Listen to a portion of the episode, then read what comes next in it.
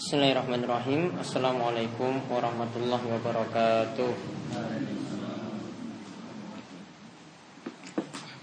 Innalhamdulillah Nahmaduhu wa nasta'inuhu wa nasta'gfiruh.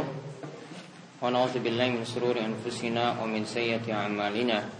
Man yahdihillah falamudillalah Wa may yudlilhu falahadiyalah Wa ashadu an la ilaha illallah Wahdahu la syarikalah Wa ashadu anna muhammadan abduhu wa rasuluh Allahumma salli ala nabiyina wa sayyidina Muhammad wa ala alihi wa man tabi'ahum bi ihsan ila yaumiddin. Allahumma anfa'na bima 'allamtana wa 'allimna ma yanfa'una wa zidna ilma. Allahumma inna nas'aluka ilman nafi'a wa rizqan thayyiba wa amalan mutaqabbala. Alhamdulillah eh, baik para jamaah sekalian, ya, para jamaah Surah Al-Amin ya pengajian malam Selasa yang semoga selalu dirahmati oleh Allah Subhanahu wa taala. Alhamdulillah pada kesempatan malam hari ini kita kembali dipermudah oleh Allah Subhanahu wa taala dalam keadaan uh, sehat walafiat. Mungkin-mungkin Allah Subhanahu wa taala terus menambahkan kita nikmat, memberikan kita kemudahan demi kemudahan dan kita pun diberi kemudahan untuk memahami ilmu yang kita pelajari dan juga kita diberikan kemudahan dalam beramal serta mungkin-mungkin kita terus diberikan keistiqomahan. Baik, eh, pada kesempatan kali ini kita akan melanjutkan pembahasan dari kitab Bulughul Maram karya ulama besar kita yaitu Ibnu Hajar Al Asqalani. Kita masih mengkaji Kitabul Jami' yaitu kitab pelengkap yang di dalam berisi adab-adab ya berisi motivasi-motivasi dalam hidup. Ya kita masih berada dalam pembahasan bab tentang masalah zuhud dan wara dan kali ini kita akan membahas tentang masalah taubat. Ya taubat dan banyak berbicara. Yaitu hadis dari Anas.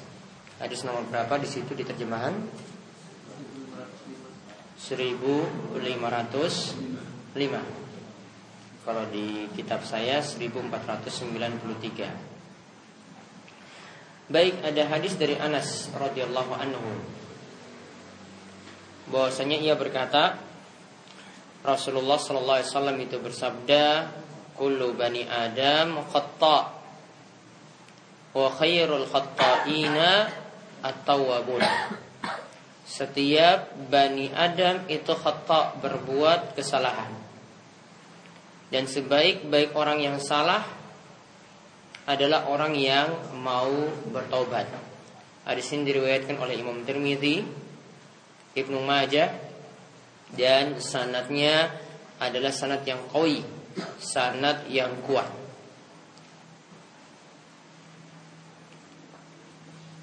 Hadis ini membicarakan tentang masalah taubat diawali dengan kalimat kullu bani Adam. Setiap manusia. Dan sini tidak ada pengecualian. Ya, setiap manusia khata'un yaitu berbuat kesalahan. Kalimat khata itu bermakna orang yang banyak berbuat kesalahan. Jadi bukan satu kesalahan saja, Khata di sini secara tinjauan etimologi yaitu tinjauan bahasa itu bermakna kasirul khata. Kasirul khata. Karena asalnya kalimatnya itu khata'un. Khata'un itu artinya kesalahan. Namun di sini ditabri tanda tasydid. Jadi kalimatnya dia khata'un. Itu berarti kasirul khata' yaitu orang yang banyak berbuat salah. Jadi di sini kesalahannya bukan satu, kesalahannya bukan dua, namun banyak buat salah. Ya. Jadi dikatakan setiap manusia itu banyak kesalahannya. Jadi kalau kita terjemahkan, setiap manusia itu banyak kesalahannya. Wa khairul khata'in dan dari orang yang tadi banyak berbuat salah tersebut, yang paling baik di antara mereka itu adalah at-tawwabun orang yang mau bertobat. Ya, orang yang mau bertobat. Jadi di sini bukanlah yang dimaksud orang yang paling baik di antara manusia itu adalah orang yang bersih dari dosa atau orang yang tidak pernah berbuat dosa sama sekali. Namun yang dikatakan di sini yang paling baik dari manusia itu adalah orang yang pernah berbuat dosa lantas dia itu bertobat dari dosa-dosa yang dia lakukan. Bahkan pernah Nabi SAW itu mengatakan bahwa seandainya di muka bumi ini semuanya itu orang bersih dari dosa. Maka Allah itu akan mematikan mereka semuanya dan ganti dengan orang-orang yang berbuat dosa. Kemudian Allah ingin taubat dari mereka semuanya. Sebagaimana disebutkan dalam hadis laulam tuthnibu la dhahaballahu bikum wa la jaa biqaumin yasnubuna yusnibuna wa yastaghfiruna Allah fayaghfir lahum. Seandainya di muka bumi ini tidak ada orang yang berbuat dosa. Maka Allah itu akan memusnahkan mereka semuanya. Kemudian Allah akan mendatangkan suatu kaum yang mereka itu berbuat dosa, lantas mereka rajin beristighfar kepada Allah, kemudian Allah itu memberikan ampunan kepada mereka. Jadi di sini bukan yang terpenting di sini kita bersih dari dosa tadi. Ya, namun bagaimanakah? Ya tadi secara fitrah kita memang berbuat kesalahan kemudian mau untuk bertobat. Nah, hikmahnya di situ. Jadi bukan kita itu di uh, katakan kita ini adalah orang yang terus ya rajin berbuat taat terus, tidak ada maksiat sama sekali. Bukan. Ya, namun ya kadang dari ketaatan pun itu mungkin kita berbuat dosa dan inilah kita yang dituntut untuk bertobat kepada Allah Subhanahu wa taala. Namun untuk masalah tobat itu tobat tersebut bisa diterima jika memenuhi syarat-syarat. Sekarang kita bisa lihat syarat-syarat diterimanya tobat. Kalau disebutkan oleh Imam Nawawi ada tiga Ditambahkan dengan yang berkaitan dengan manusia Tobatnya syaratnya jadi empat namun yang paling lengkap itu ada lima. Jadi syarat taubat itu ada lima. Yang pertama, ikhlas dalam bertobat. Yang pertama adalah ikhlas dalam bertobat. Yang dimaksudkan di sini adalah seorang mendasari tobatnya bukan ingin cari pujian atau bukan karena alasan orang lain. Wah, kenapa kamu berhenti dari minum minuman keras? Karena orang tua saya yang suruh. Kalau alasannya dari orang tua, bukan niatannya ikhlas karena Allah Subhanahu wa taala, tobatnya tidak diterima. Tobat yang diterima adalah tobat yang didasari mengharap ridho Allah. Jadi bukan untuk tujuan-tujuan dunia bukan juga ya karena mengharap ridho manusia. Jadi dia lakukan ikhlas karena Allah. Itu yang pertama. Dan setiap amalan yang tidak ikhlas Allah akan tinggalkan amalan tersebut. Sebagaimana kata Nabi SAW dalam hadis Qudsi Allah berfirman, Ana agna syuraka ani syirki mana amila amalan asyraka bihi ma'i ghairi taraktuhu wa syirkahu. Kata Allah, Allah berfirman, Aku tidaklah peduli pada kesyirikan. Jadi orang-orang yang berbuat syirik. Siapa yang berbuat syirik kepadaku, ya dengan selainku, maka aku akan meninggalkan diri orang tersebut, yaitu orang yang berbuat syirik dan juga akan meninggalkan kesyirikan yang telah dia perbuat. Kemudian syarat yang kedua, an-nadab, menyesal.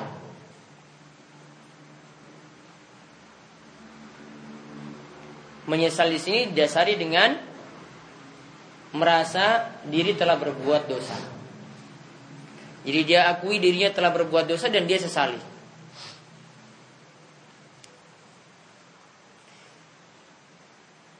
Berarti orang yang tidak punya rasa apa-apa terhadap dosanya tadi, tidak mungkin dia itu menyesal.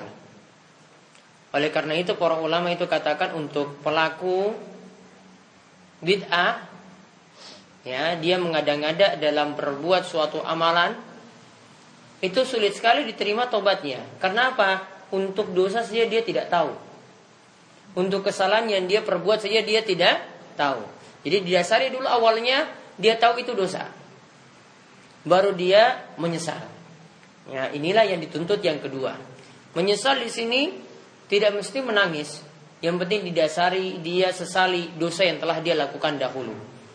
Ya, namun kalau ada yang menangis dosanya tadi, ya ini tidak disyaratkan di sini. Yang penting ada rasa penyesalan.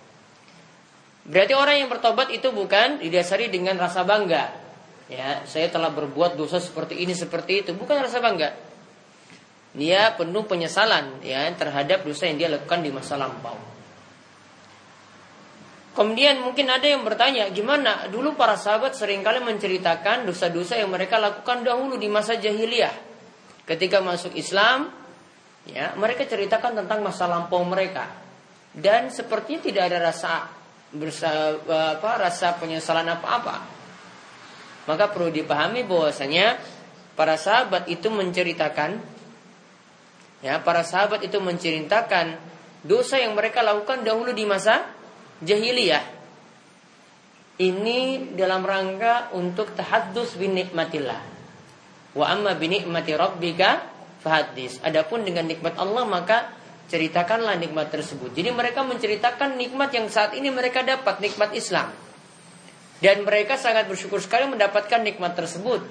Jadi mereka menceritakan ya dosa-dosa yang mereka lakukan terdahulu supaya menjadi ibrah supaya menjadi pelajaran bagi orang-orang sesudahnya tahu bahwasanya seperti ini tidaklah baik.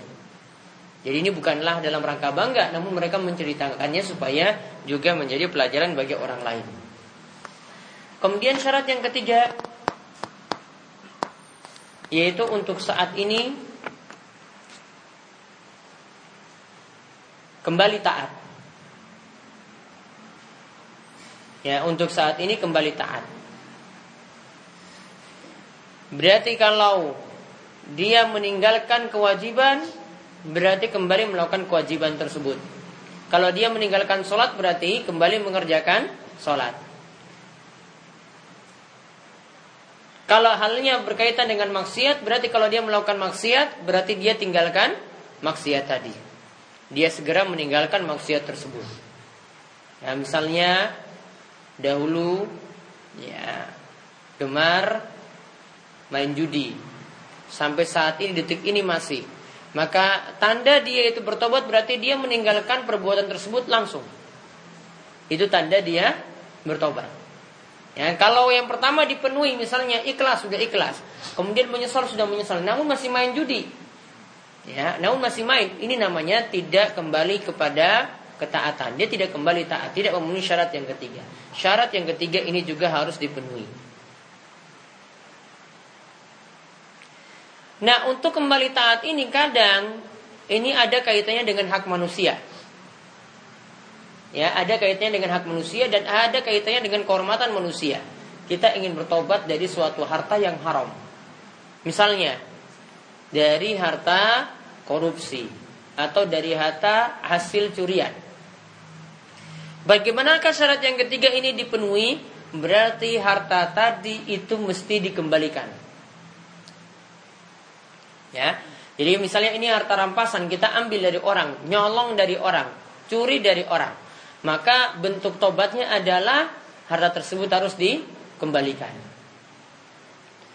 Kalau misalnya ya dulu mungkin nyolong di toko, yang punya toko sekarang tidak jelas hidup di mana. Mungkin ke Sumatera, ke Kalimantan nggak jelas. Namun sekarang sudah bertobat menyesal dulu mungkin ambil 100 ribu rupiah dari toko atau ngambil barang yang harganya segitu. Kemudian sekarang ingin bertobat. Sedangkan yang punya barang tadi, ya pemilik toko tadi ternyata sudah pergi. Bagaimana cara bertobat? Ya, untuk semacam ini, maka caranya adalah kita sodakohkan harta tadi atas nama orang yang punya harta tersebut. Sodakohkan harta tadi atas nama orang yang punya harta tersebut. Jadi misalnya dia nyolong 100 ribu tadi, 100 ribu ini dia sodakohkan. Atas nama bukan atas nama dirinya, atas nama orang yang punya barang. Ini sama juga dalam masalah utang. Kalau utang, kita ingin lunasi utang yang dulu itu pernah ada pada orang lain, namun orang yang punya piutang tadi nggak jelas ke mana, mau bayar nggak tahu kita bayar lagi ke mana. Maka boleh dengan kita sodakokan atas nama orang yang punya piutang tadi. Sudah saya ini sodakokan, ini saya nggak tahu orangnya di mana, sudah sodakokan atas namanya. Seperti itu juga dibolehkan sama untuk kasus ini. Namun yang nanti jadi masalah jika misalnya yang punya barang itu kembali. Tahu tadi hasil colongan kan dia sudah bertobat, sudah ngaku kan? Kemudian dia minta barang tersebut lagi. Maka harus dikembalikan. Namun kalau dia sudah ridho ketika oh sudah disurakokan, ya sudah saya terima. Maka tidak ada masalah. Ya, maka seperti itu tidak ada masalah. Maka tobat intinya ya harus memenuhi syarat yang ketiga pula kembali taat. Yang maksiat itu dia tinggalkan, yang perbuatan wajib yang dia itu tinggalkan sebelumnya dia lakukan kembali. Kemudian yang ke empat. Oh ya kaitannya dengan yang tiga lagi itu seperti orang yang ingin bertobat dari gibah. Ini merusak kehormatan orang lain. Gibah itu artinya apa? Giba itu kata Nabi SAW Zikruka akhaka bimayakrah Yaitu menyebut kejelekan ya Menyebut keadaan orang lain Yang sebenarnya kalau dia ini tahu Itu dia tidak suka ini diceritakan pada orang lain Yaitu kejelekannya diceritakan pada orang lain Nah, gimana kalau orang itu sudah menggibahi, menjelek-jelekan orang lain, walaupun itu benar-benar nyata ada pada dirinya? Sekarang bagaimana bentuk dia itu bertobat? Maka di sini para ulama ada dua pendapat dalam hal ini. Yang pertama, kalau orang yang dengar itu sudah tahu, orang yang diceritakan jelek itu sudah tahu, maka hendaklah minta maaf. Minta dia halalkan. Pak saya kemarin ceritakan jelek seperti ini, seperti itu dalam majelis ini. Kalau dia sudah tahu, maka hendaklah minta maaf pada dirinya. Kalau dia maafkan, Alhamdulillah. Namun masalahnya gimana kalau orang yang tadi yang kita jelek-jelekan tidak tahu?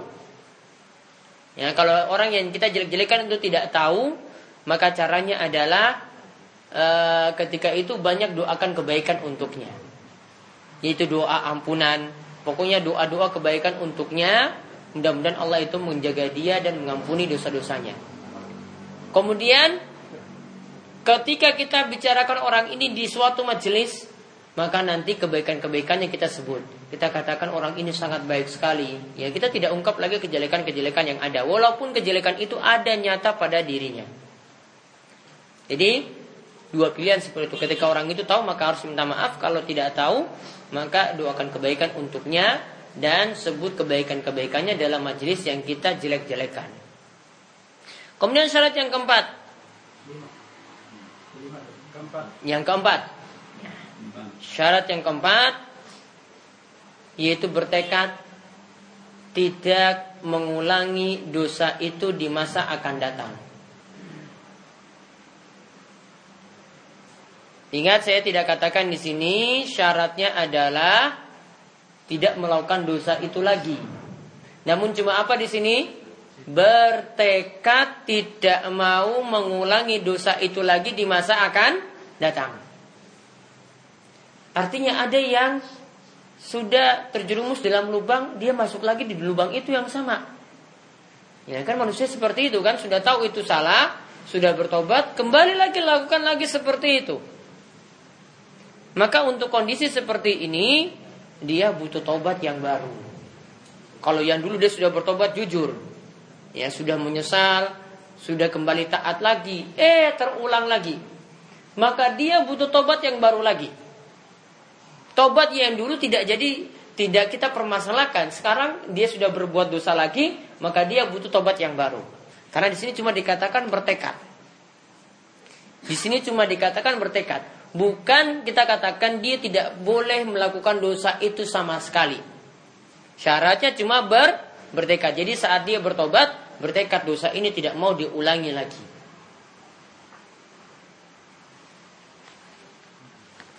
Karena kalau disyaratkan tidak tidak boleh mengulanginya itu lagi di masa akan datang sangat berat. Karena ada yang tetap melakukan dosa itu lagi. Namun tobat yang jujur tentu saja dia tidak akan jatuh ke dalam lubang yang sama. Ini tobat yang jujur seperti itu. Dia tidak mungkin masuk ke dalam lubang yang sama lagi. Sudah tahu ini salah kok lakukan lagi. Berarti yang sebelumnya itu bermasalah. Namun kalau memang dia sudah tahu tobatnya itu sudah jujur sebelumnya sudah. Maka dia butuh tobat lagi yang baru ketika dia berbuat dosa. Kemudian syarat yang kelima, tobat tersebut dilakukan pada masa diterimanya tobat. Tobat tersebut dilakukan pada masa diterimanya tobat. Artinya di sini ada waktu tobat tidak lagi diterima. Ada waktu tobat tidak lagi diterima. Kapan waktu tobat itu tidak lagi diterima? Ada dua waktu. Yang pertama sebagaimana Nabi SAW itu katakan, "Mantaba qabla an tatlu asy-syamsi min maghribiha taballahu alaihi." Siapa yang bertobat sebelum matahari itu terbit dari tempat tenggelamnya, maka Allah menerima tobatnya. Berarti batasan waktu tobat yang pertama sebelum matahari terbit dari arah tenggelamnya, yaitu dari arah barat. Selama sehari masih terbit seperti itu, maka tobatnya masih diterima. Matahari terbitnya masih normal, maka tobatnya diterima. Kemudian yang kedua, Tobat itu masih diterima selama nyawa belum sampai di kerongkongan. Ya, ini waktu akhirnya berarti kalau nyawa sudah di kerongkongan sudah tidak diterima lagi. Sebagaimana kata Nabi SAW, Inna Allah Azza wa Jalla yaqbalu taubatal abdi ma lam yughargir. Allah masih menerima tobat seseorang sebelum nyawanya itu sampai di kerongkongan.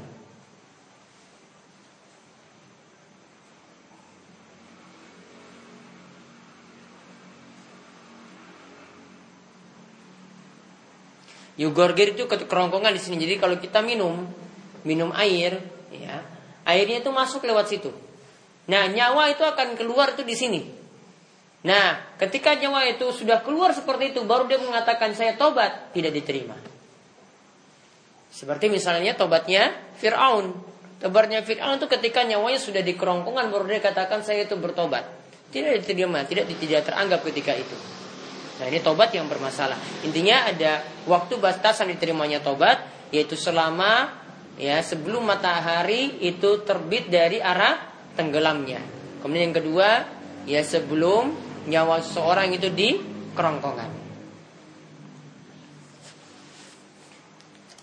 Jadi kalau dilakukan sebelumnya maka tobat itu diterima.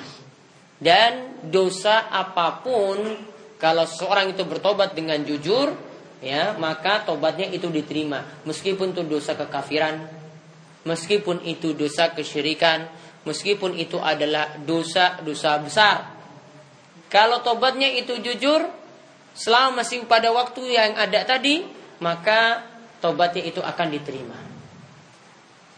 Contoh misalnya dari dosa besar yang diterima tobatnya itu seperti cerita 99 orang yang dibunuh nyawanya oleh satu orang. Kemudian dia ingin bertobat. Ya, ketika ingin bertobat, ya maka dia datang terlebih dahulu kepada orang yang ahli ibadah. Ditunjukkan pada orang yang ahli ibadah, bukan orang yang berilmu. Maka ketika datang kepada al ibadah ini dia meminta tobat. Saya ingin bertobat. Apakah tobat saya diterima? Ahli ibadah ini yang tidak punya ilmu dia katakan bahwasanya tobatmu tidak diterima. Maka ketika itu digenapkanlah pembunuhannya jadi 100 nyawa. Ditebas lagi leher orang yang dikatakan ahli ibadah tadi. Salah fatwa. Jadi gara-gara salah fatwa itu bisa mati. Ya lihat, ini gara-gara salah fatwa bisa mati. Ya bisa di masa orang. Makanya hati-hati ya, jangan sampai kita itu salah berfatwa kemudian orang itu dengar ya akhirnya mendemo, akhirnya buat kumpulin masa kemudian ingin menghancurkan kita itu gara-gara bisa jadi itu gara-gara salah fatwa. Atau ketika berdakwah tidak didasari dengan ilmu. Nah, ini tadi orang yang pertama tidak pakai ilmu. Ya, cuma asal ngomong saja tidak diterima tobat. Akhirnya digenapkan nyawa digenapkan pembunuhannya jadi 100. Namun ketika bunuh 100 nyawa dia masih ingin bertobat lagi. Maka dia tanya di manakah orang yang bisa aku curhat, aku ini ingin bertobat. Maka ditunjukkanlah kepada ahli berilmu ketika dia itu tanya kepada orang yang berilmu ini, bahwasanya ini aku ini ingin bertobat, orang yang berilmu tak jawab, tobatmu nanti bisa diterima. Namun dengan syarat engkau harus tinggalkan tempat yang engkau bermaksiat saat ini, pergi ke tempat yang baru. Pergi ke negeri yang baru. Ya, jadi di antara syarat tobat itu berarti juga pindah tempat. Namun ini bukan syarat mutlak ya. Namun baiknya orang yang bertobat itu tinggalkan tempat maksiatnya dahulu. Kalau di situ lingkungannya jelek, lingkungannya mabuk-mabukan terus. Kalau dia tetap di situ sulit tobatnya bisa berhasil. Maka kalau dia berpindah dari tempat itu pindah ke tempat yang baru, nah baru dengan lingkungan yang baru tadi, dengan lingkungan yang rajin ibadah, dengan lingkungan yang tidak mabuk lagi, maka dia nanti bisa selamat. Maka tobat di sini dilakukan yang sempurna adalah berpindah tempat atau berhijrah. Maka dia pindah ke negeri berikutnya, namun ternyata di tengah jalan nyawanya diambil. Namun ketika itu akhirnya malaikat tukaran. Bingung antara dua malaikat yaitu malaikat azab dan malaikat rahmat. Bingung. Ini sebenarnya orang ini jadi jatahmu apa jatahku? Mereka tukaran ketika itu ya memperselisihkan ini jatahnya siapa. Jadi malaikat sampai bingung ya untuk untuk nasib orang ini apakah di surga atau di neraka. Apakah dapat siksa ataukah dapat rahmat. Maka ketika itu Allah memberikan kemudian pada orang ini tempatnya dia menuju ke negeri yang baik tadi itu didekatkan. Sehingga diputuskan tobatnya itu berarti diterima ya dan dia digolongkan nanti pada orang-orang yang mendapatkan rahmat dan nyawanya diambil oleh malaikat yang membawa rahmat tadi. Malaikat rahmat yang nanti makan mengambilnya. Maka ini tanda bahwasanya walaupun dosanya itu dosa besar pembunuhan itu masih bisa diterima oleh Allah Subhanahu wa taala. Dan ini juga termasuk dosa-dosa kesyirikan juga seperti itu. Intinya tobat itu bisa diterima jika memenuhi lima syarat tadi. Yang pertama apa? Ikhlas. Yang kedua, menyesal. Yang ketiga, kembali taat. Yang keempat, bertekad tidak mau mengulangi lagi. Ini ingat ya ada kata tekad. Bertekad tidak mau mengulangi lagi. Yang kelima, tobat tersebut masih dilakukan ketika waktu diterimanya tobat. Waktu diterimanya tobat itu pokoknya sebelum matahari itu terbit dari arah tenggelamnya atau yang kedua, sebelum nyawa itu di kerongkongan.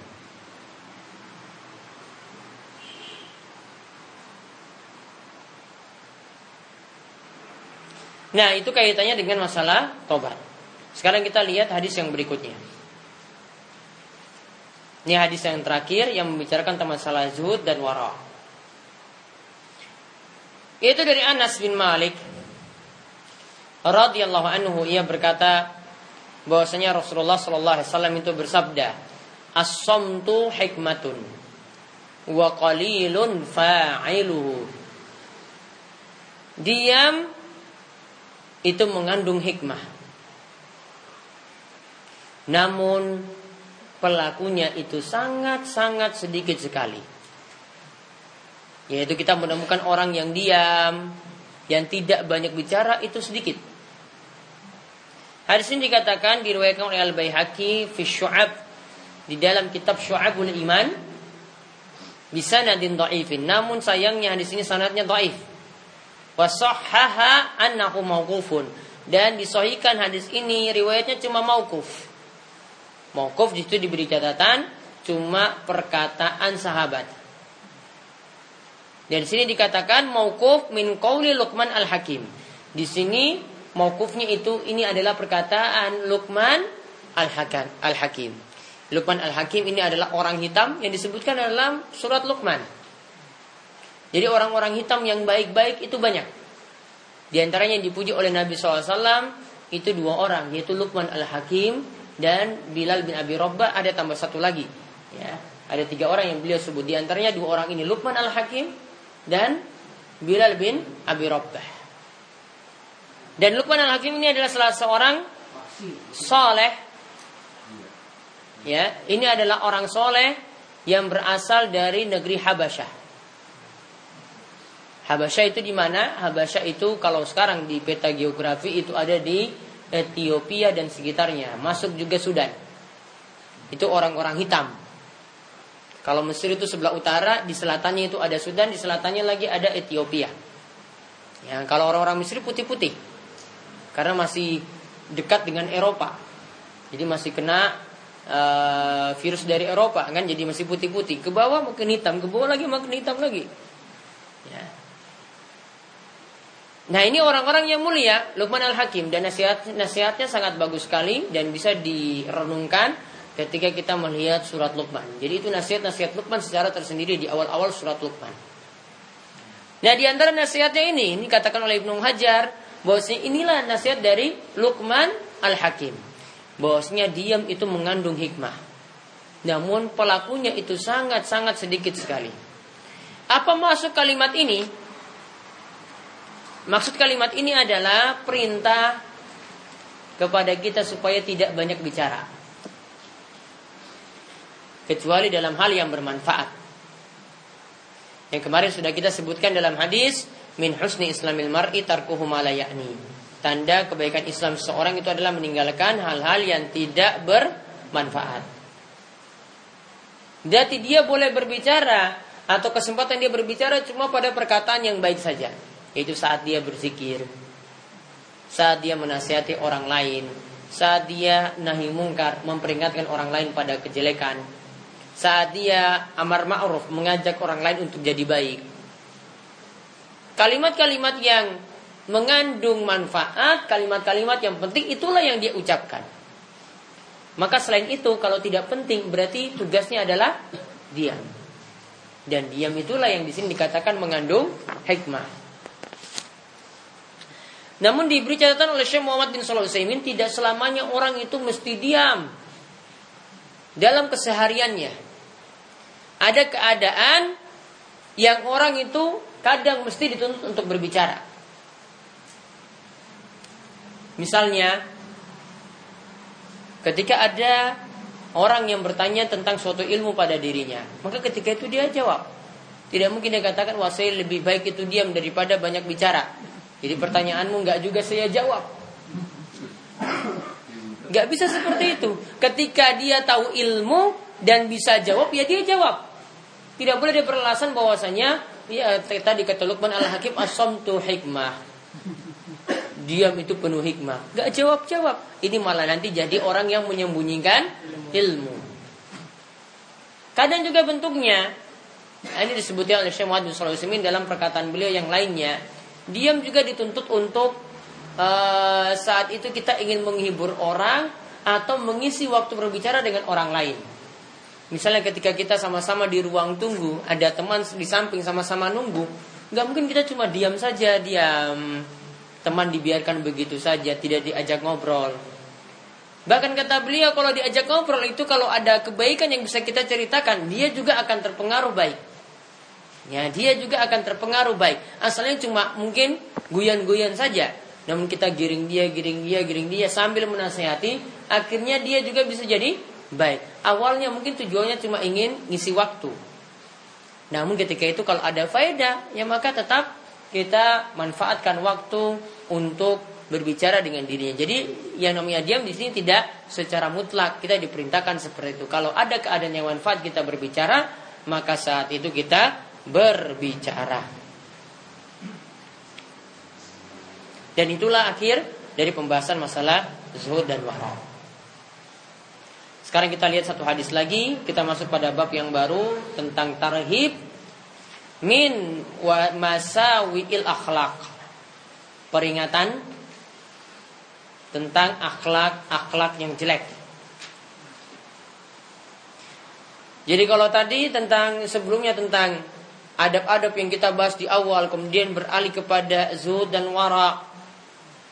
Sekarang kita diterangkan tentang akhlak-akhlak yang jelek baru nanti setelah ini akan dijelaskan tentang akhlak-akhlak yang mulia, akhlak-akhlak yang baik.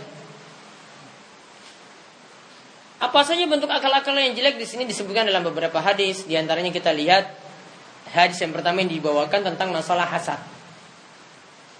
Ya, tentang masalah hasad. Kita lihat hadisnya dari Abu Hurairah radhiyallahu anhu, ia berkata bahwasanya Rasulullah SAW bersabda, "Iyyakum wal hasada." Hati-hatilah atau jauhilah hasad. Fa innal hasada ya'kulul hasanat karena yang namanya hasad itu cuma memakan kebaikan.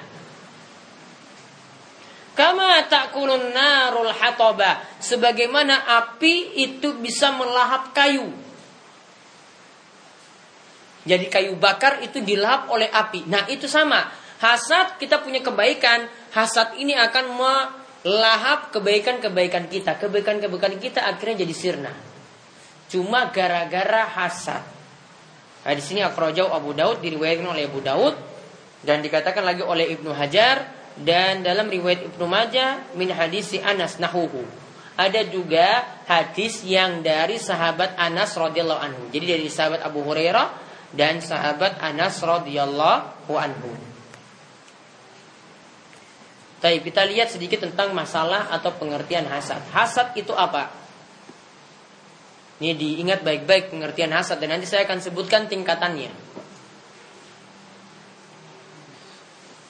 Hasad itu adalah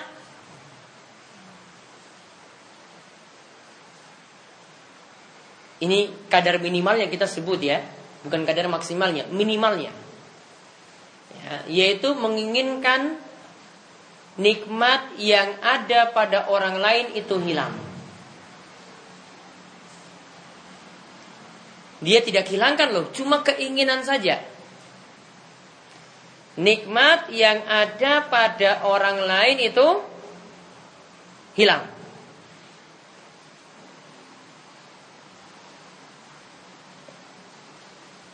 Menginginkan nikmat yang ada pada orang lain itu hilang. Jadi misalnya tetangga punya motor, motor baru, ya, dalam hasad sudah timbul. Ya Allah mudah-mudahan motor ini hancur besok di tengah jalan. Ya. Ini sudah dalam batin loh seperti itu loh. Nggak dia wujudkan. Nggak ada tindakan apa-apa. Cuma keinginan saya dalam hati seperti itu. Itu sudah namanya hasad. Jika ada seperti ini maka masuk dalam hadis ini. Nabi peringatkan iya wal hasada, hati-hatilah dengan hasad. Hasad cuma menghapus kebaikan yang kita miliki ingin nikmat lain nikmat orang lain itu hilang, berarti kan sama saja kita tidak setuju kalau Allah takdirkan itu pada dirinya kan? Tidak setuju kalau Allah beri motor itu pada dirinya atau kita akan nyatakan Allah tidak pantas kasih motor kepada tetangga kita. Nah, gara-gara itulah yang membuat kebaikan seorang itu jadi hilang. Nanti akan saya sebutkan dampak jelek dari hasad. Sekarang ada lima tingkatan hasad yang perlu diketahui lima tingkatan hasad.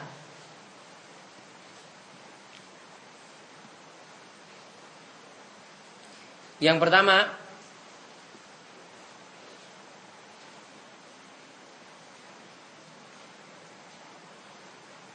menginginkan nikmat yang ada pada orang lain hilang. Meskipun tidak punya keinginan nikmat itu berpindah pada dirinya. Jadi kembali ke pengertian tadi, namun di sini yang pertama ini meskipun tidak menginginkan nikmat yang ada pada orang lain itu berpindah pada dirinya.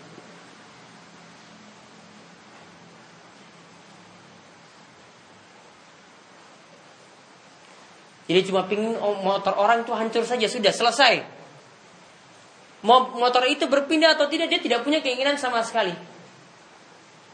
Dan tingkatan yang pertama ini yang paling parah.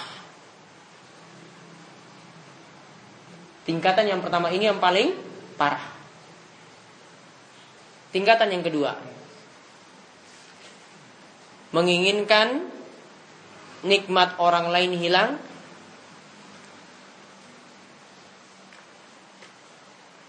Dan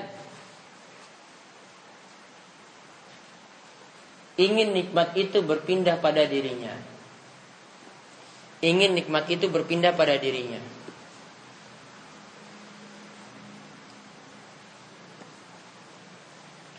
Contoh misalnya,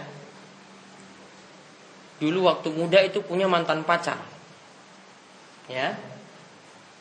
Ini cantik sekali, namun sayangnya sudah pacaran 10 tahun akhirnya ini diambil orang lain. Ketika sudah nikah dan ini dia juga sudah nikah sama wanita lain kemudian punya keinginan mudah-mudahan itu suaminya mati saja atau dia dipegang biar saya dapat jandanya saja nggak apa-apa lah Biar saya dapat jandanya saja nggak apa-apa. Pingin nikmat orang lain hilang kan? Nikmat orang lain dan hilang. Dan pingin nikmat itu ber berpindah. Sama kalau temannya itu dapat kekuasaan jabatan. Wah ini mudah-mudahan jabatan tadi itu hilang dari dirinya dan jabatan itu pindah ke saya. Atau temannya itu jadi lurah misalnya. Kemudian mudah-mudahan nanti besok saya nanti yang ambil kekuasaannya. Seperti ini juga termasuk hasad namun tingkatannya lebih rendah daripada yang pertama. Ini para ulama itu katakan tingkatannya lebih rendah daripada yang pertama. Yang pertama itu sangat-sangat dahsyat. Kalau yang kedua ini nanti nantinya juga kelihatan. Kalau yang pertama itu tidak kelihatan. Nggak ada yang tahu kalau cuma gara-gara itu saja, ya. Akhirnya temannya itu kena ain misalnya, ya atau mungkin dari yang dia inginkan itu akhirnya terjadi itu saya dia sudah senang kadang ini tidak nampak ya tidak nampak. Maka itu lebih berbahaya. Diam-diam kok bisa seperti itu ya hancurnya. Jadi dia sudah sangat senang di batin sudah sangat senang sekali. Namun kalau ini ditambah lagi dia ingin yang kedua ini nikmatan itu berpindah. Nah itu nanti akan dapat kita kita dapat uh, melihat nanti wujudnya. Karena tahu nanti nikmatnya itu berpindah. Kemudian yang ketiga, tingkatan hasad yang ketiga, ini di bawahnya lagi. Menginginkan orang lain tetap bodoh dan miskin. Ingat ya di sini tidak menginginkan nikmat orang lain itu hilang. Yang penting sudahlah dia miskin tetap miskin, bodoh tetap bodoh. Jangan sampai nambah. Tidak ingin nikmat itu hilang. Ya, namun orang dia pingin tetangganya mungkin ya yang miskin tetap miskin seperti itu sudah sudahlah. Daripada dia nanti naik derajat, saya jadi kesel nanti. Ya, jadi mangkel nanti. Dia pingin orang lain tetap miskin dan bodoh. Sudah. Itu sudah dia senang. Kemudian yang keempat, tingkatan yang keempat.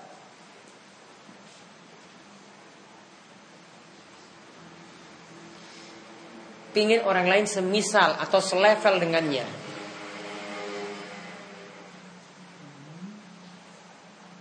Pingin orang lain semisal atau selevel dengannya. Jika orang lain itu naik derajatnya, maka akhirnya dia hasad, ingin nikmat itu hilang. Sekarang kan sudah sama-sama kaya kan, sudah sama-sama kaya. Kita kayanya sama, sama-sama punya satu motor, sama-sama punya satu mobil.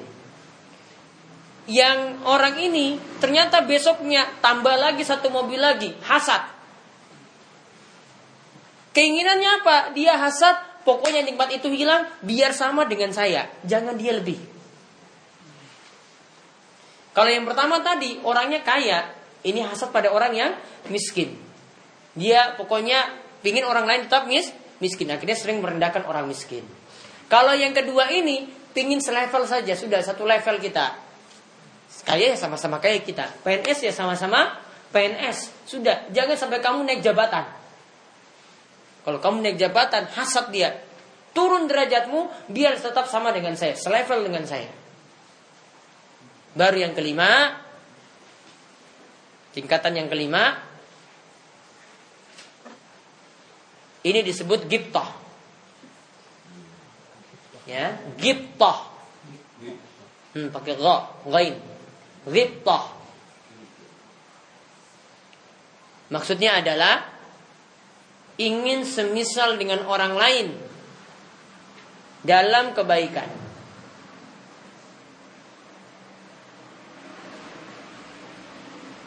Namun tidak ingin nikmat orang lain hilang.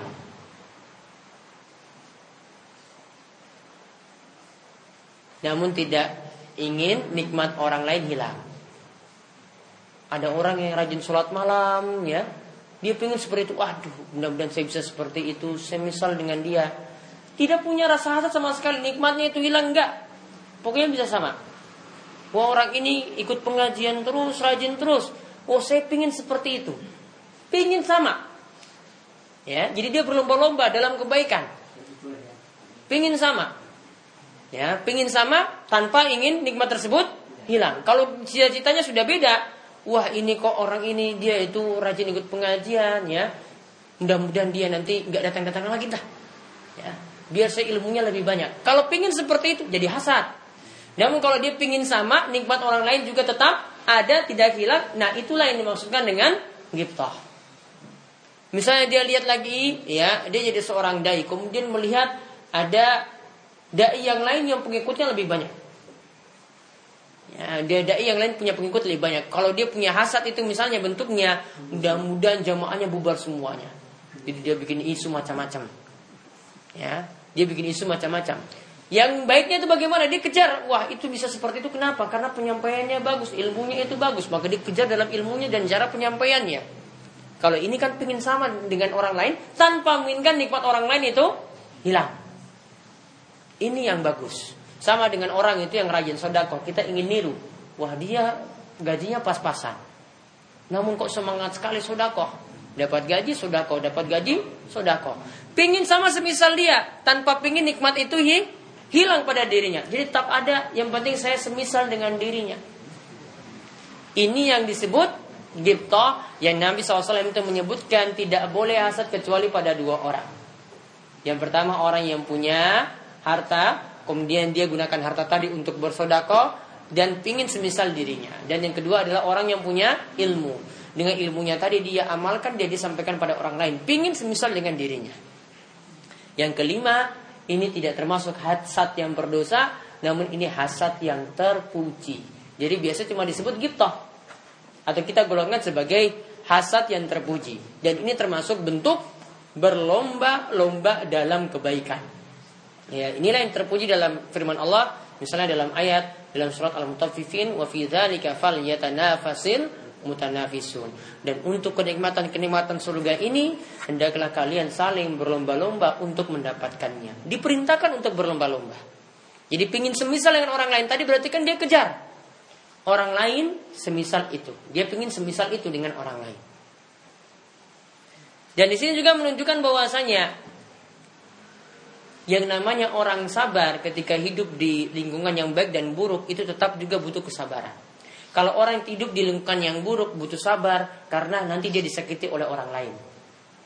Namun kalau orang itu hidup di lingkungan yang baik, yang semuanya itu rajin ibadah, dia juga butuh kesabaran. Kesabaran untuk apa? Kesabaran supaya bisa terus beribadah sama dengan orang lain. Itu juga butuh sabar. Coba kalau dia hidup di lingkungan yang semuanya itu rajin sholat malam, yang semuanya itu rajin sholat dua, yang semuanya itu rajin puasa sunnah. Tidak mungkin dia nanti pingin wah saya biasa-biasa saja. Pasti dia akan semangat lagi, semangat semangat bisa mengikutinya. Dan untuk bisa mengikuti itu butuh kesabaran. Oleh karena itu Allah Subhanahu wa taala katakan itu dalam surat Al-Kahfi, "Wasbir nafsaka ma'al ladzina yad'una rabbahum bil ghadati wal ashiyyi yuriduna wajha. Bersabarlah kalian bersama dengan orang-orang yang rajin berzikir kepada Allah di pagi dan petang hari. Yang di mana mereka itu berzikir dalam rangka mengharap wajah Allah Subhanahu wa taala. Diperintahkan bersabar juga dengan orang-orang yang rajin ibadah. Sabarnya apa bentuknya? Bisa mengejar mereka dalam melakukan ibadah atau melakukan ketaatan.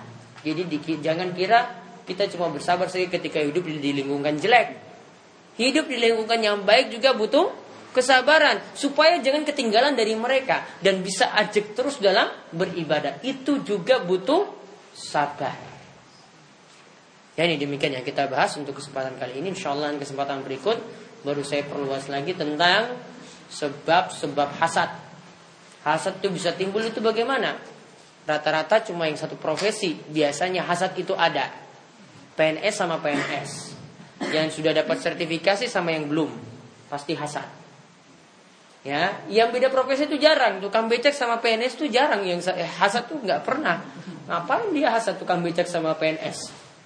Ya, pengusaha sama pengusaha. Kalau sudah beda profesi, sudah sulit untuk hasad. Nanti insya Allah akan kita sebutkan sebab-sebabnya dan bagaimana cara menanggulanginya dan bagaimana cara ya mencegahnya. Nanti insya Allah akan kita bahas pada pertemuan berikut. Ada pertanyaan? Terima kasih Ustaz. Ternyata setiap malam kami Selasa emang Selasa ada tambah ilmu terus dan ilmu itu berubah terus. Alhamdulillah jadi saya merasa beruntung ini teman-teman begitu. Hadisnya sering dibaca di rumah, tapi ternyata keterangannya baru ini dapatnya. Itu Ustaz. Alhamdulillah ternyata juga demikian saya kira sama hujan-hujan pun tidak sia-sia mendapatkan quotes apa rincian dari keterangan hadis yang beda dari bin Malik dan Nabi Nabi Kemudian daripada itu, misalnya ini saya bertanya yang yang, yang fakta, survei yang membuktikan. Misalnya ada halako yang itu ustaznya memang ahli bid'ah. Kemudian halamannya rumah saya yang tahu misalnya apa si A ya, itu pertama hadinya mudah-mudahan sing teko misipi. Terus latarnya tuh halamannya untuk parkir juga ah, nggak boleh nggak tuh untuk parkir kendaraan nggak boleh karena sudah diindikasikan si ustaznya memang menyebarkan itu. Tidak sebutkan orangnya. Perbuatan yang tidak boleh itu begitu itu termasuk pertama termasuk atau tidak. Yang kedua sesama kiai sini nyerang sana sana nyerang sini.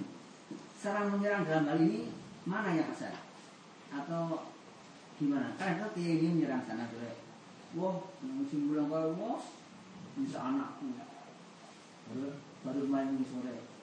Atau sana balik. Ya oh ini orangnya yang pendatang kok. Mau ibu kangen. Kabupaten intinya itu tadi kalau sudah mengatakan becak dengan becak memang bersaing. Mungkin kiai sama kiai juga bersaing. Tapi bersaingnya itu hanya ya supaya pengikutnya sana itu ke sini atau mungkin pengikut sana itu berkurang atau bilang sama sekali jangan cuma saya. Misalnya gitu. Demikian Ustaz jadi bagaimana uh, bedanya antara hasad dalam hal memang jelek betul saya dulu dengan cara kendaraan dan berparkir depan saya depan saya karena perbuatannya guna semua Ustaz. Baik. pertama Kalau yang pertama tadi menghalangi misalnya orang yang ingin mendakwahkan sesuatu yang bermasalah. iya. Ya. Apakah boleh kita menghalanginya dengan tidak memberikan tempat parkir? Terus mungkin kalau kita punya masjid mungkin tidak diizinkan atau mungkin ya punya cara-cara yang lain. Kalau tujuannya seperti itu supaya orang itu tidak ter- terkena pemahaman yang keliru itu adalah niatan yang baik. Ya, niatan yang baik. Sebaiknya benar-benar kajiannya syar'i, sunnah, tapi digembosi. Jadi yang digembosi itu termasuk nah. Bisa jadi hasad. Ya. Kalau dia gembosi tadi itu awalnya biasanya dari hasad dulu. Hasad tidak suka kan? Bisa jadi pengikutnya itu lari ke situ atau pengikutnya nanti berkurang. Akhirnya hasad. Hasadnya itu diwujudkan dengan memberikan isu-isu atau fitnah-fitnah. Itu sering kali seperti itu. Ya dalam persi dunia persilatan dakwah itu seperti tadi. Ya, itu persilatan dakwah itu seperti itu. Jadi awalnya dari hasad dulu. Nggak mungkin dari tidak berawal dari hasad, pasti dari hasad dulu. Baru ber- berujung kepada memberikan isu dan ingin jamaah itu tidak lari kepada situ atau jamaah dia itu yang berkurang. Jadi wujudnya itu dengan hasad.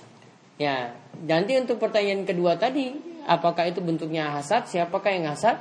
Yang jelas yang memulai itu biasanya yang hasad. Yang santai-santai saja itu yang biasanya diam. Dia itu jadi yang ngelawannya. Dia jadi jadi yang bertahan. Yang biasanya nyerang-nyerang itu yang jadi awalnya yang hasad terlebih dahulu. Maka ini perlu waspada. Ya, jangan sampai karena uh, kita melihat ya yang sana itu lebih banyak daripada yang sini kemudian punya sifat hasad seperti itu sehingga kita memunculkan isu-isu yang negatif tentang mereka. Ya, selama itu ada dua-duanya itu ada tuntunan mengajarkan pemahaman yang benar, maka ya ridho ya harusnya setiap dai atau orang yang berdakwah itu harus ridho ya rela ya yang satu ngaji di sana yang satu ngaji di sini itu harus ridho seperti itu dulu para ulama itu mereka guru-gurunya itu banyak dan tidak pernah punya sikap saling seperti itu. Namun ada sebagian memang seperti itu. Namun itu jumlahnya sedikit. Mereka biasa menahannya. Paling punya hasad. Namun tidak mereka itu tampakkan bentuk hasad tersebut. Jadi itu bisa jadi juga hasad seperti yang disebutkan tadi. Ada lagi Pak Nasir? Ada lagi? Ya. Uh, kaitannya dengan seorang kiai umpamanya seorang kiai itu seorang hadis harus Al-Quran namun di sisi lain dia juga mengajarkan ajaran yang di luar sunnah atau bid'ah bagaimana keadaan beliau ketika di hari yaumul akhir apakah beliau masuk surga karena kehabisannya Al-Quran atau masuk neraka karena ke bid'ahan yang diajarkan tergantung kebid'ahannya kalau bukan kekafiran bisa jadi kebaikan-kebaikannya tadi itu menutup kejelekan yang dia lakukan. Ujung akhirnya kita tidak bisa tentukan. Ya kalau kebaikannya itu banyak, pengaruhnya kepada umat itu banyak, dan dia punya kesalahan yang sedikit, bisa jadi kebaikannya tadi akhirnya menutup kejelekannya. Kebaikannya tadi menutup kejelekannya, dia jadi golongan yang selamat. Jadi jangan menganggap orang yang melakukan amalan tuntunan itu kekal dalam neraka, tidak boleh. Tergantung dia itu punya kebitahan dalam bentuk apa. Kalau kebitahannya dalam bentuk kekafiran jelas. Namun kebitahannya itu kalau dalam amalan karena tidak ada tuntunan saya itu tidak sampai kafir. Namun jelas dia melakukan amalan yang bermasalah. Namun tentang keadaannya di akhirat kita tidak bisa dihukumi dia itu kafir. Ada lagi?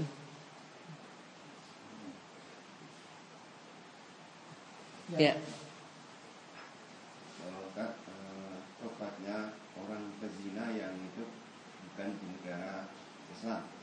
Tobatnya pezina yang bukan hidup di negara Islam. Bagaimana dia cara bertobat? Apakah harus tunggu kuman rajam atau dia bawa ke mana tentang permasalahannya? Ini pertanyaan yang bagus. Ya. Jadi gimana kalau kita hidup di negara yang tidak menerapkan hukum rajam atau tidak menerapkan hukum cambuk? Rajam itu ada kan ketika orang yang sudah menikah kemudian dia berzina, kena hukuman rajam sampai mati orang yang sudah orang yang belum menikah kemudian berzina nanti kena hukuman cambuk. Berapa kali? 100 kali. Ya, kena hukuman cambuk 100 kali. Maka bagaimanakah kalau kita hidup di negara yang tidak ada hukum ini? Perlu dipahami terlebih dahulu tentang hukuman tadi. Ini diterapkan ketika di negara tersebut menerapkan hukum. Dan yang boleh melakukan eksekusi itu cuma yang punya kuasa, yaitu pemerintah. Nggak boleh. Ya. Pak Kiai yang disuruh untuk menghukum atau orang yang berilmu yang disuruh untuk melakukan eksekusi hukuman rajam atau hukuman cambuk tadi. Ini yang perlu dipahami terlebih dahulu. Jadi tidak perlu dia ngadu kepada Pak Kiainya kemudian ngomong, "Ya Pak, saya ini sudah berzina. Tolong hukum cambuk saya." Yang menurut pendapat yang lebih tepat ini tidak perlu dilakukan. Karena ketika itu tidak ada hukum Islam yang diterapkan, maka hukuman rajam juga tidak diterapkan ketika itu. Hukuman cambuk tidak diterapkan ketika itu. Tidak per individu hukum tersebut itu berlaku. Maka hadis Nabi SAW itu yang mengatakan, ya la yahillu damu muslimin illa bi ihda Ya, tidak halal darah seorang muslim kecuali karena melakukan tiga hal. Di antaranya disebutkan situ asaibuzan, orang yang sudah menikah kemudian berzina, maka yang dimaksudkan di sini orang yang punya kuasa yang menjalankan eksekusi. Berarti kalau tidak punya kuasa tidak boleh. Nah, terus sekarang permasalahannya dia mau bertobat bagaimana? Kalau tidak dengan hukuman seperti itu, maka Syekh Muhammad bin Utsaimin itu pernah menerangkan tentang keadaan seperti ini. Ini berlaku ketika dia hidup di negara Islam, ya, ataupun tidak. Kalau ini ada berlaku hukum Islam di situ, maka dia bisa melihat dua keadaan. Kalau dia itu mampu bertobat dengan sendirinya tanpa mengadukan kepada pemerintah bahwasanya dia telah melakukan kesalahan berzina, maka lebih bagus dia bertobat dengan sendirinya. Jadi dia bertobat saja. Bertobat, menyesal dengan memenuhi lima syarat yang telah disebutkan tadi. Namun kalau di situ diterapkan, namun ya orang ini kalau dia bertobat sendiri itu sulit. Dia bertobat sendiri itu sulit. Harus dia bisa menyesal itu kalau kena hukuman cambuk atau hukuman rajam. Baru tobatnya dia itu merasa sempurna. Kalau keadaan yang kedua ini baru dia ngadukan kepada penguasa yang jalankan hukum rajam atau cambuk. Namun kalau tidak ada berarti tidak. Cukup dengan bertobat. Jadi intinya kalau diterapkan hukum Islam maka dua keadaan tadi yang dilihat kalau tidak diterapkan berarti cukup dia bertobat dengan taubatan nasuha dengan memenuhi lima syarat tadi yang sudah kita sebutkan. Mudah-mudahan Allah menerima tobatnya. Ada lagi? Ya. Apabila kita melakukan suatu kesalahan, tata cara tobatnya ini apakah cukup dengan istighfar atau dengan cara tobatnya sudah tadi? Baik. Kalau dari individu, ya dari kita sendiri, maka lakukan tiga hal. Yang pertama, bertobat dengan memenuhi lima syarat tadi. Yang kedua, perbanyak istighfar. Istighfar yang sifatnya rutin setiap hari ada seratus kali setiap hari kan atau tanpa dikaitkan dengan bilangan, pokoknya perbanyak istighfar. Yang ketiga, perbanyak amalan soleh. Karena Nabi SAW pernah menasihati seorang sahabat, ya ittaqillah haitsu kunta wa atbi sayyi'atal hasanata tamhuha. Ya, Bertakwalah kepada Allah di mana saja engkau berada dan ikutilah setiap amalan kejelekan itu dengan amalan kebaikan. Karena amalan kebaikan tadi bisa menghapuskan kejelekan tersebut. Jadi selain beristighfar dan taubat, tambah lagi dengan amalan soleh. Perbanyak sodakoh, perbanyak puasa sunnah, perbanyak lagi sholat-sholat sunnah. Setiap kebaikan-kebaikan ini mungkin-mungkin nanti bisa menghapuskan kejelekan yang sudah pernah diperbuat meskipun itu dosa besar. Ya, jadi tiga hal ini dia lakukan. Ini untuk untuk kita sendiri ya, selaku manusia. Nanti kalau dengan pertolongan orang lain, itu ketika kita sudah tiada, maka nanti bisa lewat doa, doa orang lain, bisa juga dengan uh, mereka kirim pahala kepada kita dengan amalan-amalan yang tertentu saja, tidak semua amalan. Maka itu juga bermanfaat untuk kita. Namun kalau kita sendiri semasa kita hidup, lakukan tiga hal ini. Taubat, istighfar, dan perbanyak amalan soleh. Tiga hal itu yang disempurnakan. Ya, insya Allah tobatnya nanti semakin dilengkapi. Jadi tidak tobat saja, tambah dengan dua lagi setelahnya. Ada lagi? Ya.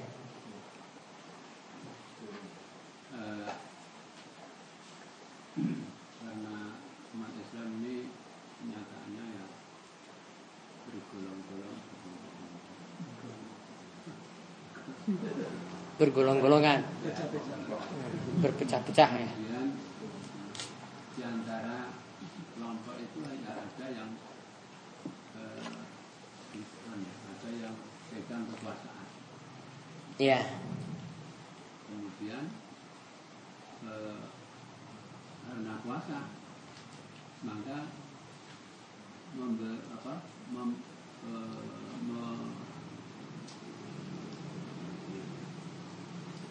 menzalimi kepada yang tidak kuasa. Hmm. Ini itu. Iya. Perbuatan demikian itu gimana? Karena tidak karena bukan kelompoknya maka nasibnya itu ya dalam politik ini nasibnya mesti dilantarkan oleh yang gimana seperti itu Intinya kalau dia perbuatan zalim jelas. Ketika dia tidak ber, berbuat adil tatkala dia jadi penguasa, maka dia termasuk orang-orang yang zalim. Azulmu zulumatun yaumal qiyamah.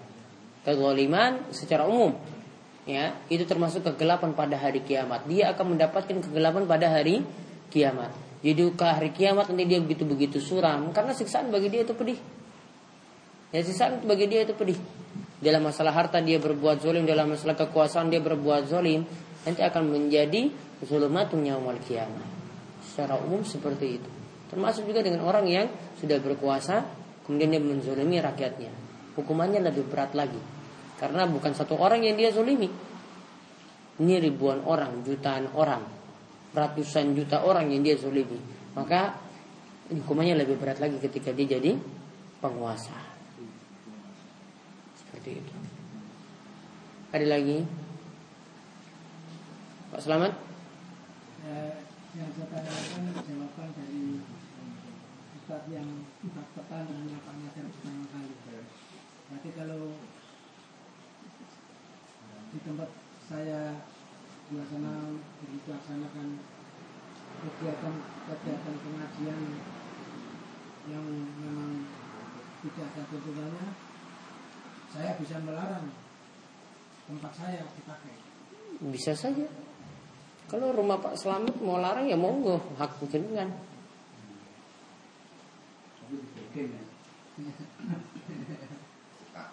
Tidak masalah. Ada lagi? Nggih.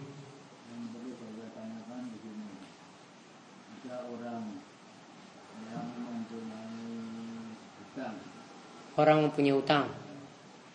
dan bagi orang yang menghutangkan itu sudah menghitungnya beberapa kali sampai ya beberapa kali sampai jelek begitu lalu bagaimana uh, akibat orang yang mempunyai hutang itu Berarti dia nunda-nunda, sudah ditagih-tagih terus nunda terus. Mampu nggak dia?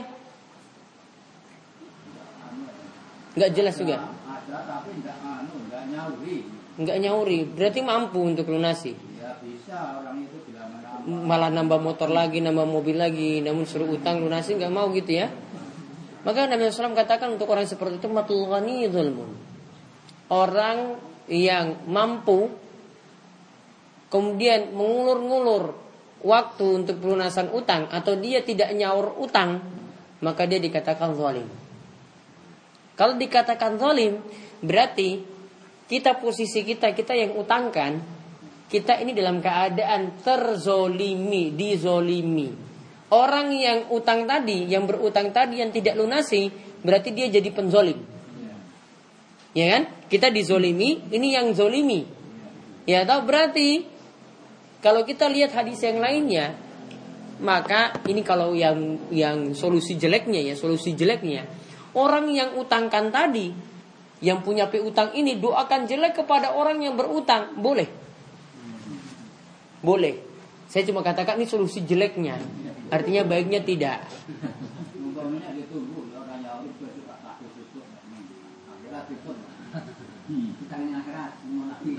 Kalau sudah capek, ya sudah. Kita mau bagaimana lagi? Namun kalau Bapak ingin dapat pahala yang berlipat-lipat berarti ikhlaskan.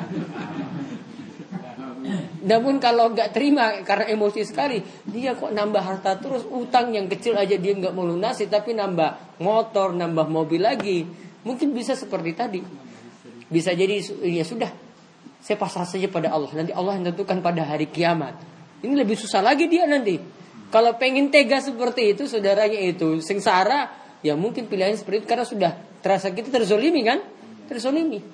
Kalau tidak ya tadi, solusi jeleknya yang paling jelek, doakan dia yang jelek. Namun saran saya, ya kalau yang tadi solusi paling enak bagi dia juga, bapak juga nanti dapat pahala yang melimpah, ikhlaskan. Kalau tidak mau, ya tetap seperti itu, balas dengan doakan baik pada dirinya. Bukan doa jelek, malah doa yang yang baik. Karena posisi kita terzolimi, kita bisa berdoa. Doanya kalau mau jelek terkabul, mau baik juga terkabul. Maka bagusnya balas dengan yang baik. Karena Allah katakan, ya idfa billati hiya ahsan. Balaslah kejelekan itu dengan perbuatan yang baik. Jadi doakan dia yang baik. Ya Allah, mudah-mudahan diberi kesadaran dia ya Allah. Ya berikanlah petunjuk pada dirinya supaya bisa lunasi utang saya dan mudah-mudahan rezekinya ditambahkan berkah dan bisa kelingan dengan utang tersebut. Itu saja yang kita doakan. bila mana tidak bisa timbul timbul itu tadi nah usaha itu tadi juga juga tidak berhasil itu juga dia ini ya Sudah. diikhlaskan ya. Hmm? Kalau mau tadi ikhlaskan, kalau tidak mau ya sudah. Pasrahkan pada Allah saja. Berarti nanti jadi perhitungan baginya pada hari kiamat. Dan kalau dia belum lunasi itu dia masih muallakatun bidainihi, masih bergantung dengan utangnya. Apa yang dimaksudkan bergantung dengan utangnya? Mau putuskan dia selamat atau tidak sampai utangnya lunas dulu baru bisa diputuskan. Kalau tidak bisa, maka nanti diambil dari amalan-amalan kebaikannya, pindah kepada orang yang kasih utangan. Gitu. Jadi silakan mau milih mana yang lebih baik. Yang tadi saya solusi yang pertama, putihkan utangnya. Kalau tidak, doakan kebaikan pada dirinya. Mau pilih yang ketiga. Hah? Orangnya itu tahu bila mana sanksinya itu.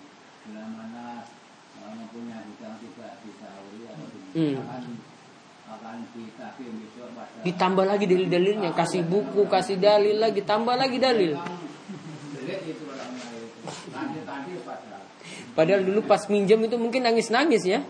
Iya kadang kayak gitu bikin kita emosi itu karena dulu pinjam itu nyunya ya Allah Pak ini saya butuh uang nangis-nangis. Namun pas kita nagih kita yang nangis lagi. Ah, iya. Ya. Iya.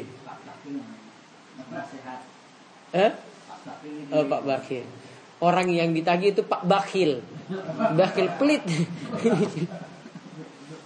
Enggak mau lunasi bakhil dia.